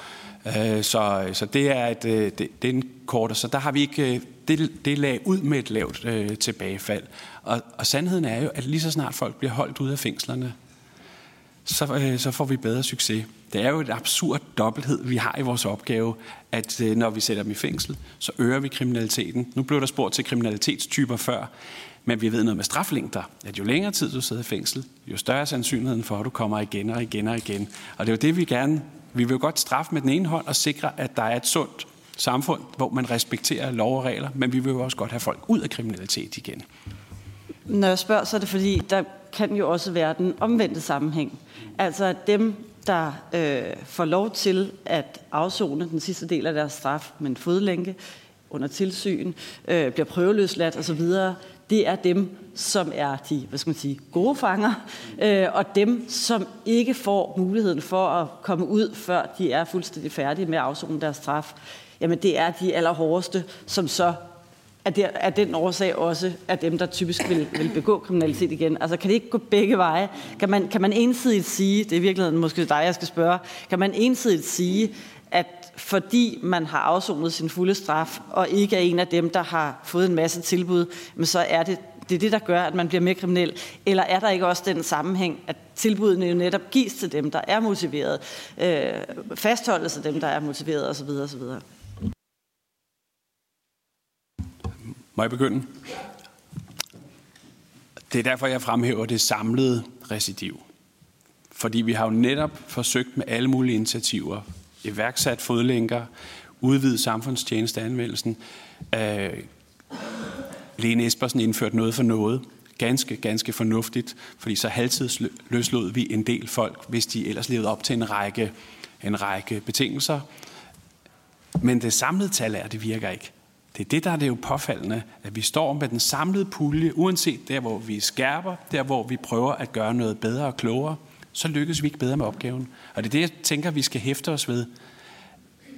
At vi har simpelthen brug for mere indhold i fængslerne, mere af det, der gør, at vi holder, hvad skal man sige, den lette ende ud af fængslerne, for, for, for de første kontakt til fængselsdelen, så er fængsler som universiteter i kriminalitet, det er det, man taler om. Det er derfor, det er sådan en fin historie, at man konkurrerede om at få højere karakterer, fordi fængselsverdenen er desværre en verden, hvor det ikke handler om almindelige ting, det handler om kriminalitet. Og det er det, der ligesom er vanedannende, og det er det, der er, at vi skal have brudt med. Jeg ved ikke, Lars, om du kunne øh, tilføje noget til Pernilles spørgsmål angående det med sammenhæng mellem... Ja, du fanger spørgsmålet. Jeg er helt med. Øh, og, og jo, det er fuldstændig rigtigt. Altså, øh, ja, det er jo i virkeligheden den udfordring, vi står med, når vi skal vurdere de her forskellige alternativer mod hinanden. Det er jo, at man selvfølgelig vælger de mest egnede til at komme ud i alternativerne. Og det, det gør jo selvfølgelig, at vi ikke bare kan sammenligne dem, der i alternativerne med dem i fængslet. Det, og det, det, er jo så det, det er jo så det, jeg må sidde og slå hovedet ned både over, når jeg skal lave min forskning. De studier, vi har lavet på de her områder, peger i retning af, at der er resocialiserende effekter af alternativerne, også når man tager højde for, hvem det er, der, der kommer ind i, øh, altså hvem der er, der får lov til at afzone i, i alternativerne.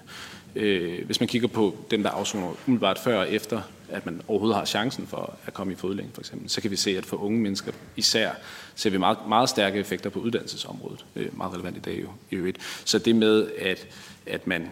Øh, Altså det er jo selvfølgelig et krav for at få fodlænken, det er, at man er i gang med en form for programvirksomhed eller en uddannelse, så man kan sige, selvfølgelig er der en effekt på det uddannelse, men vi kan faktisk også se, at gennemførelsesraten er, er, er væsentligt højere for dem, øh, som afsoner med fodlænke relativt til tilsvarende, som øh, afsonet på et tidspunkt, hvor, man, hvor det ikke kunne lade sig gøre for fodlænken. Øh, men, men helt sikkert, altså helt sikkert, man, man vælger jo de, de bedste ud til øh, de der alternativer, og det gør, det gør billedet en lille smule måde. ikke? Tak, Lars. Karina havde også før et spørgsmål, og det, jeg ved ikke, hvem af der vil være bedst til at svare på det, men altså, hvad det gør ved hverdagen og sikkerheden i fængsel, hvis så mange civilpersoner lige pludselig skal indgå i det.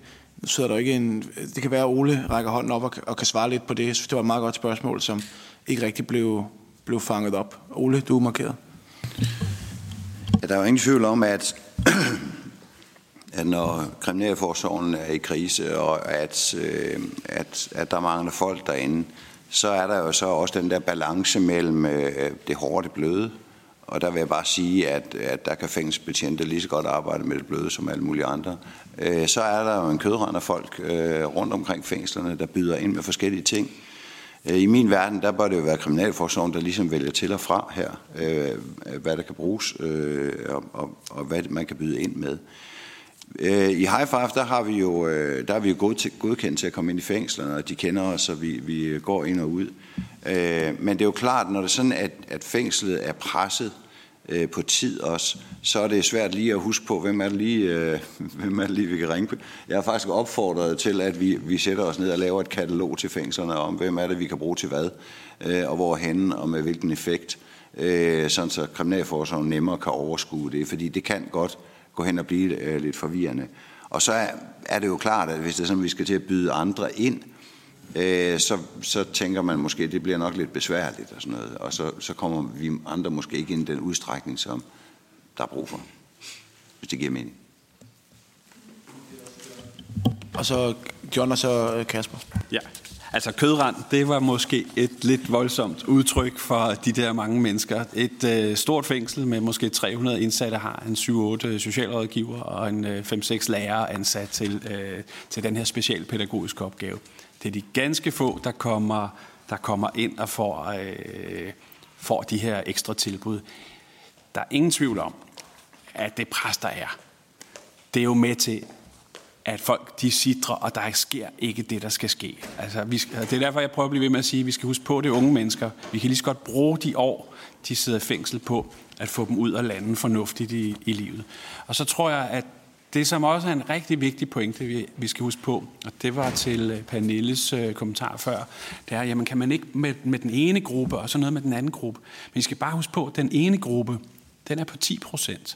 Det er de hårde. Og den anden gruppe, det er på 90 procent. Det er de mange. De mange, de får i øvrigt øh, 60-70 procent af de domme, der bliver afsagt i Danmark, fængsels ubetingede domme, er på tre måneder eller derunder. Så det er en, øh, husk på den balance. Det er derfor, jeg taler primært om de mange, hvor vi kan løse opgaven meget, meget bedre. Og det er det, jeg tror, at øh, både vil løse 1000 pladsers problemet, det vil løse meget omkring det, vi, vi rent faktisk går og øh, gerne vil, nemlig at folk ikke bliver kriminelle igen. De tiltag, de kan løse noget. Så er der bandepakker, så er der andre ting. Det, øh, det er I jo øh, super klar omkring, og det øh, vi gør som øh, jo som ansatte, det som, øh, som I beslutter. Men bare husk på balancen i det, at det, det ikke kommer til at være os og dem, og den ene gruppe og den anden gruppe. Det er 10 procent over for 90 procent. Kasper, du har også en kommentar til det, og så går vi tilbage til spørgsmål fra udvalgets øh, medlemmer. Yes. Øhm, ja, jeg, ved, jeg kender ikke rigtig de normer herinde, sådan, så hvis jeg gør noget, der er ufornormt, så må du sige det til mig. Øhm, men i forhold til hverdagen, øhm, og jeg vil prøve at lade være med at teoretisere det så meget, fordi jeg kommer her som ambassadør, så det bliver sådan lidt mere anekdotisk. Men øh, meningsfuldheden i at kunne studere, og at der kommer en udefra, som gerne vil en, har bare en kæmpe effekt. Så det kan godt være, at der er en sikkerhedsmæssig ting, og det, og det også tager no, nogle ressourcer for de ansatte. Men nogle af de steder, hvor jeg har siddet, der, når de kommer fra Ungdomsrådet Kors, så bliver de ikke tjekket. De får lov til bare at gå ind, og, og de får lov til øh, at komme på en basis, hvor de bliver vist tillid. Altså sådan så, at tillidsfaktoren er bare forholdsvis stor for dem, så sådan rent sikkerhedsmæssigt ved jeg ikke, øh, jeg kan selvfølgelig ikke tale øh, for, for den anden side af disken, øh, men øh, det gør bare en kæmpe forskel, at de kommer ind, øh, og at det giver en form for meningsfuldhed, også for de indsatte, at der kommer nogen ind øh, i hverdagen, øh, når du skal sidde derinde øh, i 8-10 år, så det kan godt blive lidt meningsløst. Øh, og hverdagen er bare præget af mening også. Så det der med, at der kommer nogen ind og, og, og, og, og giver en noget støtte, har bare øh, rigtig meget øh, mening og, og, og motivation. Øhm, og så var det et hurtigt spørgsmål. Må, når der bliver stillet spørgsmål, må jeg så øh, også godt stille spørgsmål? Er der sådan opfølgende på noget af det? Det er på grund af... Altså, okay. det, det må du gerne, Kasper. Udfordringen er, at vi har seks udvalgsmedlemmer, der gerne vil stille spørgsmål, og vi har kvarter et enkelt opklarende, ja. som jeg synes, der er bare relevant øh, i forhold til recidiv. Øhm, og det kan du måske svare på, fordi nogle af de studier, jeg har læst omkring recidiv, så bliver der ikke sondret super meget imellem, om du er førstegangs afsoner og recidiv, eller om du er anden, tredje, fjerde, femte gangs afsoner. Og hvor at recidivrisikoen på første gang skulle være lavere end på, hvis du er gentagende anden, tredje, fjerde gangs. Så om, hvis man laver en sondring øh, i forhold til recidiv, og i forhold til, om du var førstegangsafsoner, versus hvis du var flergangsafsoner. Fordi at recidivrisikoen på flergangsafsoner, som jeg forstod det, skulle være højere, end hvis du er førstegangsafsoner. Og det synes jeg var en vigtig point at få med, at der er en sondring i det, der også er relevant. Og det kan vi svare på i, i, i sammenhæng, når der kommer flere spørgsmål fra de andre. Øh, vi tager et par stykker af gang nu for at være sikre på, at vi kan nå hele vejen øh, rundt. Og derfor øh, Karina Lorentzen fra SF og så Britt Bager fra Konservativ.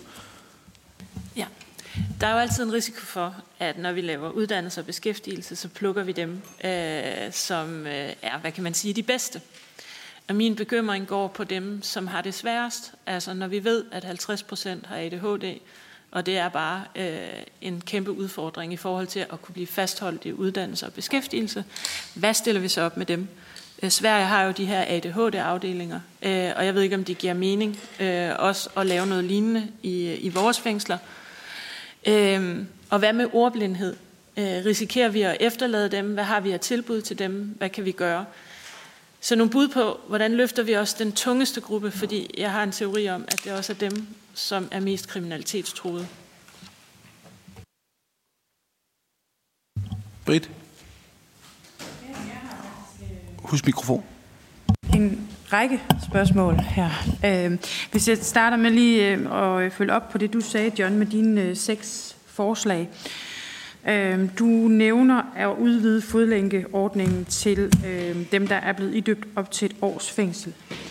Og der er mit spørgsmål bare, øh, vil du så, altså, så vil du simpelthen ikke skelne mellem forbrydelsens art, personfarlig kriminalitet og anden kriminalitet, og, og har vi andre øh, lande, vi kan sammenligne os med, hvor man har erfaringer med den slags og til den anden ting, du spørger om, øh, eller ikke øh, spørger, foreslår dit, øh, dit forslag nummer 4, hvor du siger, øh, med, hvis man har en dom på 60 dages ubetinget fængsel, øh, så lad dem afzone 14 dage, og så sætte dem ud i et forløb med en række betingelser tilknyttet. Er det noget, man har set fra andre lande?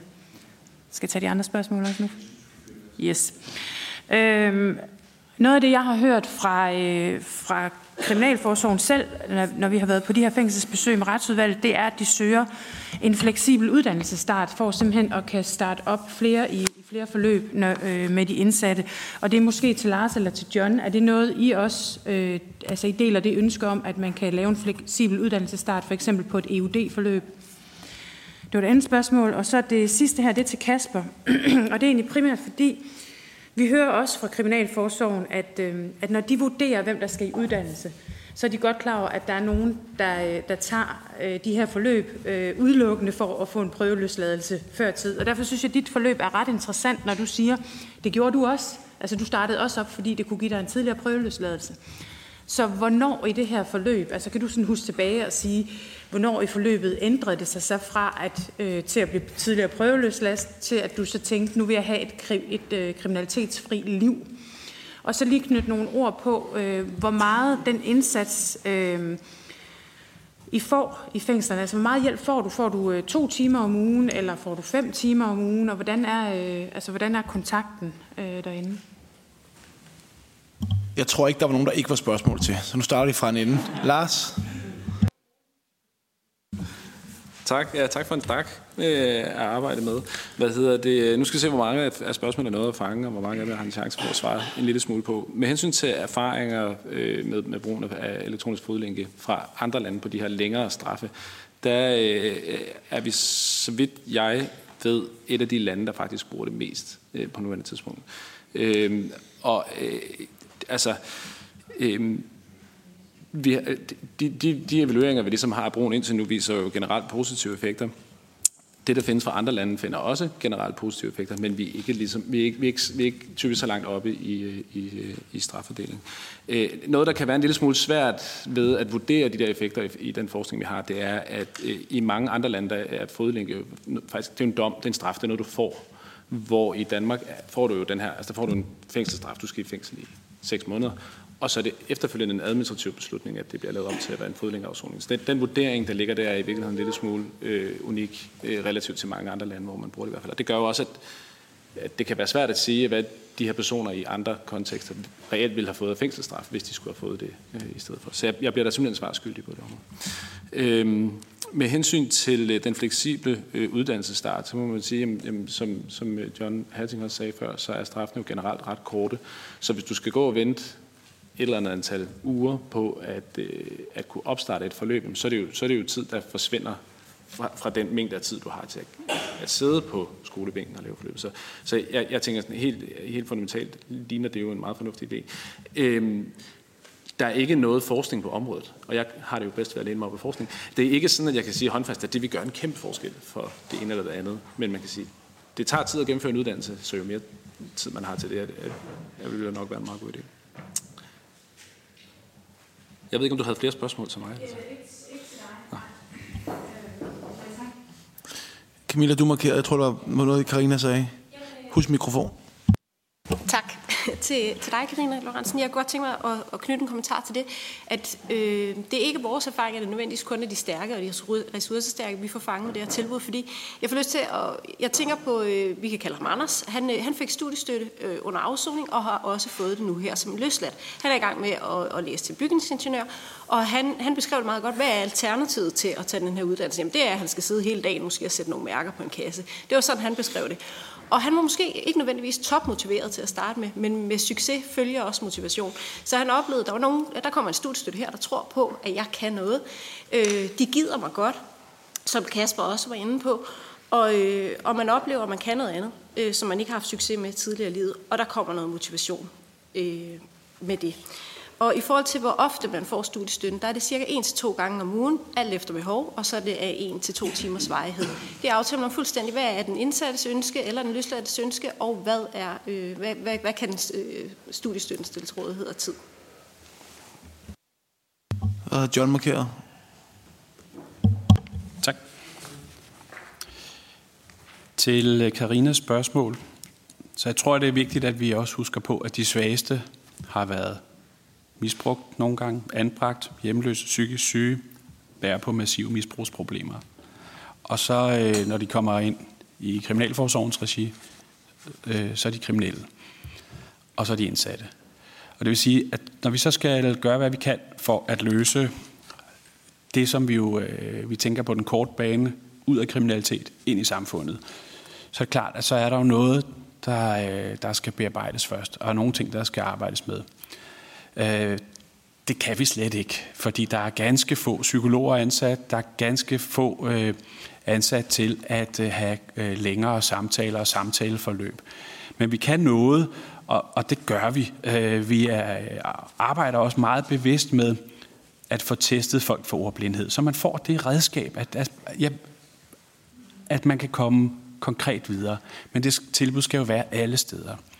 Vi ved også, at når man har undervisning, så er der mange, der slet ikke er parat til at komme tilbage på skolebænken, fordi man har alene, eller man kan i hvert fald alene huske, de dårlige erfaringer med skole.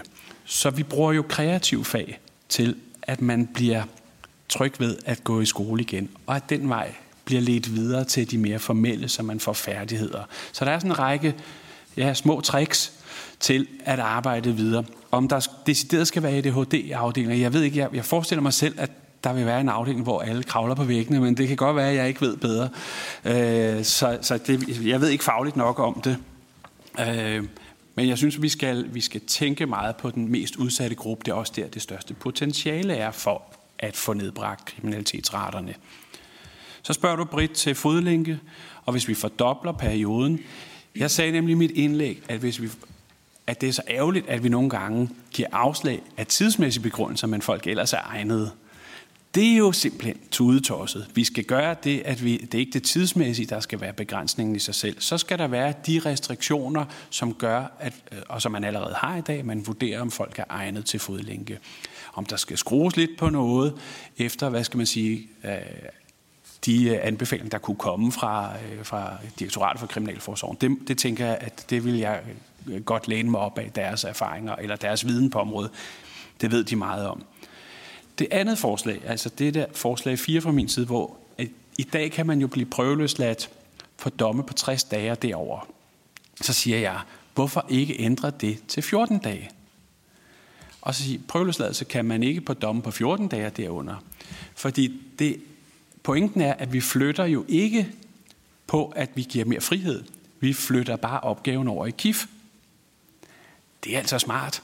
Og når I lige hørte før, hvor mange der er der for kort domme, så kan vi altså frigøre kapacitet på nogen, som er i lavrisikogruppen i forvejen. Det skal jo indgå, husk på, alt sådan noget skal indgå i de samlede overvejelser, før man gør noget. Men det, det er grebet, jeg prøver at præsentere for jer at sige, her er der altså noget med virkning og noget, hvor vi holder folk ude af kriminalitet, fordi det er rigtigt, at recidivet for første gang stømte, og dem, der ikke kommer igen, det er lavere. Dem, der kommer igen og igen og igen, der er tilbagefaldet langt større. Så vi skal gøre det der, som jeg var inde lidt på før, noget af det kloge, der hvor vi kan holde folk ud af fængsel, der kan vi faktisk løse opgaven bedre.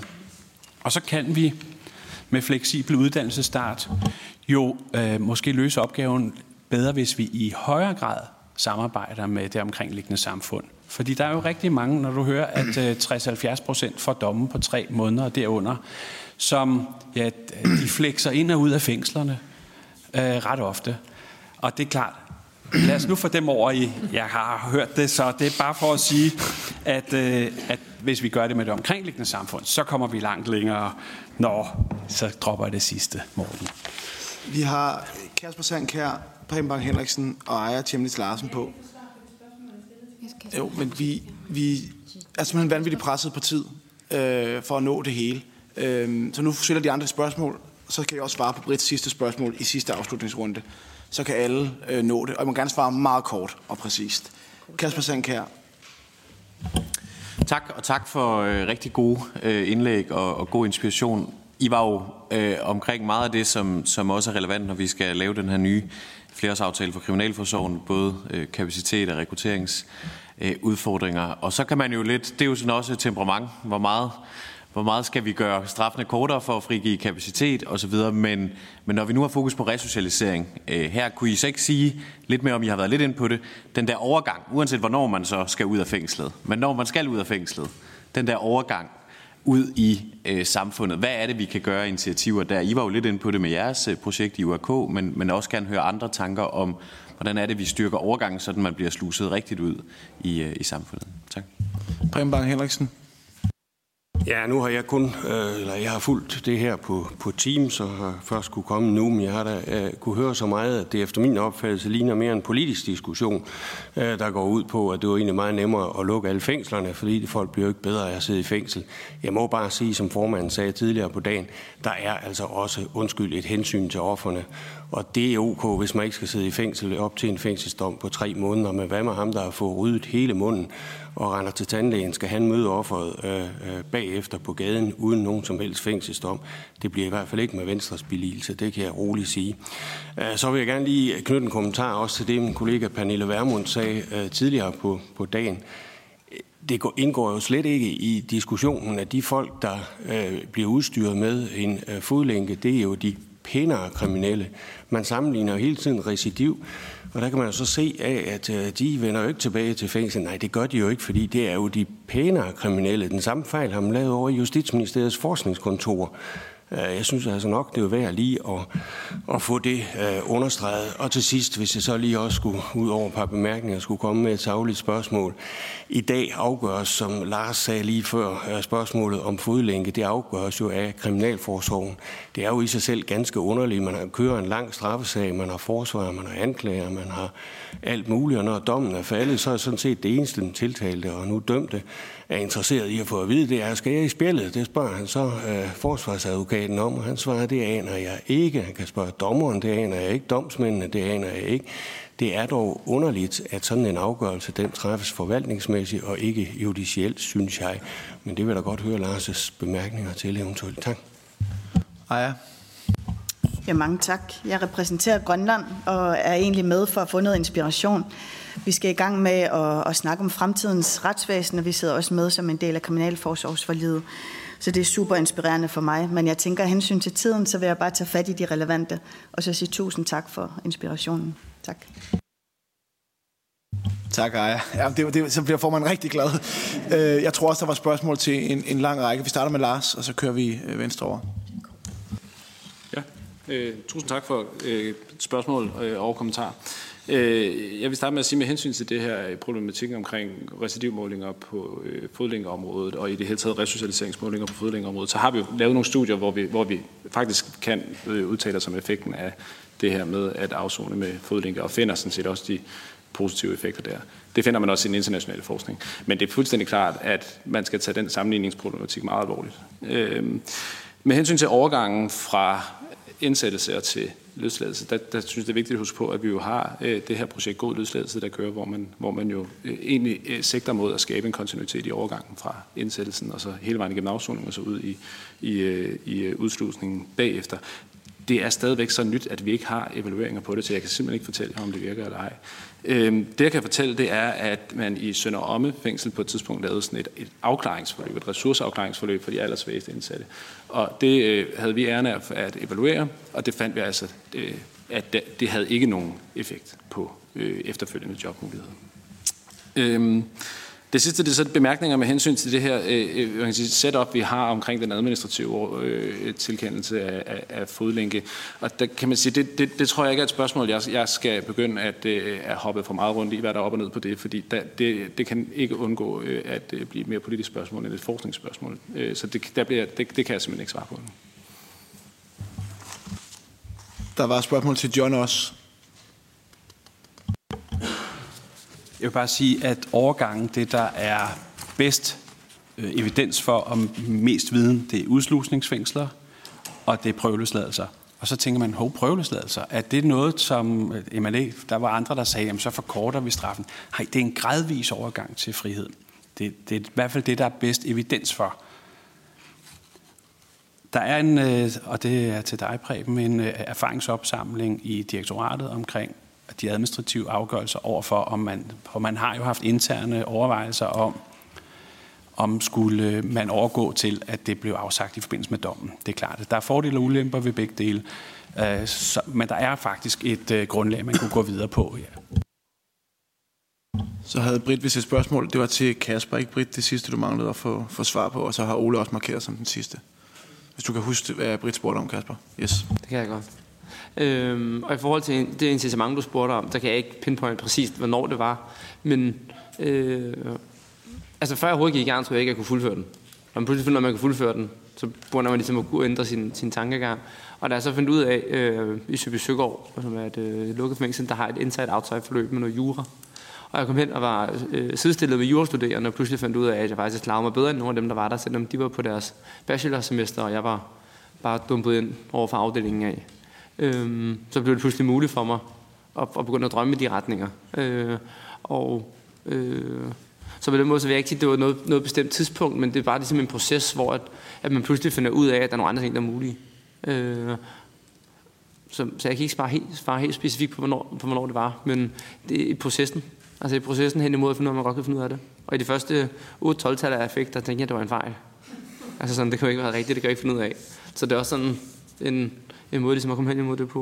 Og hvis jeg må knytte på hurtigt kommentar til noget andet. Pænere kriminelle, der får fodlænke. Jeg sad øh, med 14 års fængsel og øh, blev fuldt øh, i retten øh, maskingeværsbetjente Maskingeværsvæbnet betjente ind i retten og alt sådan noget. Og jeg har været igennem et udslusningsforløb, hvor jeg har fået øh, øh, øh, hvad hedder det, altså, øh, åben til pension og til, øh, prøv, øh, til fodlænke. Øh, så der er bare også, altså jeg tror ikke, jeg gik under kategorien pænere øh, kriminelle, øh, der er sad i fængsel. Så der er bare sådan i forhold til, øh, at fodlænken kommer også til dem, der ikke hører nogen kategorien pæne kriminelle, i noget her backdoor. Og så en sidste ting i forhold til vold versus narko, en differentiering mellem det.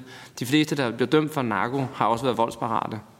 Så det er også sådan, at lave den sondring skarpt, øh, ud fra mit perspektiv i hvert fald ikke giver sig meget mening, øh, på grund af, at, at mange af dem, som der bliver dømt øh, for vold, har tit været påvirket af narko, eller har solgt det, og dem, der bliver øh, dømt for narko, har tit været voldsparate i deres øh, erhverv, eller hvad man skal kalde det. Så at lave en sondring sådan helt skarpt mellem dem, vil i hvert fald være problematisk i mit øh, perspektiv. Yes, tak. Ole? Jeg skal forsøge at, at gøre det kort og samle op på nogle af spørgsmålene. Øh, udgangspunktet af det, vi snakker om her, det er jo, at der, der løser altså 8.000 vidt forskellige mennesker hvert år. Altså det, det er vidt forskellige historier. Man kan ikke putte dem ned i nogle kasser og sige, at nogen har det ene, og nogen har det andet. Øh, Karin Lorentzen var inde på øh, øh, de tunge indsæt. Ja, der sidder selvfølgelig nogen med nogle udfordringer. Men størrelsen af de udfordringer skal jo ses i forhold til, hvor det er, de skal hen. Øhm, og det er jo klart, at hvis man skal på universitetet, så skal man jo øh, nok ikke, så er det i hvert fald svært, hvis man er ordblind. Men skal man ud og lægge asfalt, så er det ligegyldigt. Så vi skal jo hele tiden tilpasse øh, den retning, hvor, hvor øh, de indsatte skal hen i forhold til, øh, øh, hvad det er for nogle udfordringer, de har. Øh, og det gør vi jo meget ud af high five. Vi kunne jo ikke drømme om at sende en, der er ordblind ud til øh, som ja, sekretær et eller andet sted. Det ville være dumt. Øh, så er der den der, det var, vi var inde på omkring offerne øh, og hensynet til offerne. Og, og jeg er helt enig, jeg er gammel politimand. Øh, selvfølgelig skal vi tage hensyn til offerne, det er derfor, vi render rundt og dømmer folk. Men her der snakker vi om at tage hensyn til de to tredjedele gentagende ofre, der kommer. Og, og det er væsentligt at have med i den her dialog at hver gang vi fængsler 100, så er der altså 66 nye offer, der kommer, hvis, hvis resocialisering ikke virker. Øh, overgang til frihed, for lige at knytte en, en, en, en kommentar til det.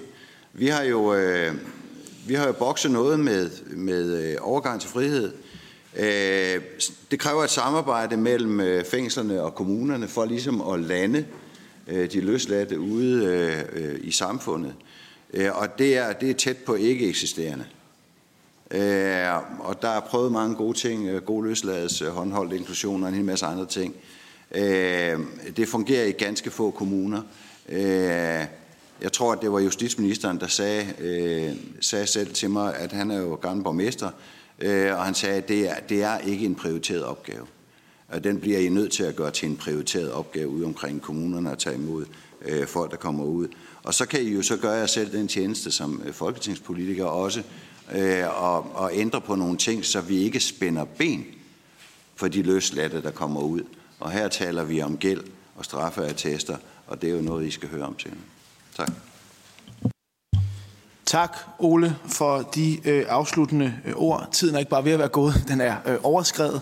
Det er ikke jeres skyld, det er fordi spørgelysten var stor for udvalgets medlemmer, det er kun godt. Det er fordi, I har gjort os øh, klogere og givet os indsigt på et meget vigtigt øh, område. Som I kan høre, så er der en øh, fin øh, balancegang på forskellige vægte, vi skal veje op, når vi skal løse den opgave, der ligger foran os i Kriminalforsorgens øh, opgave.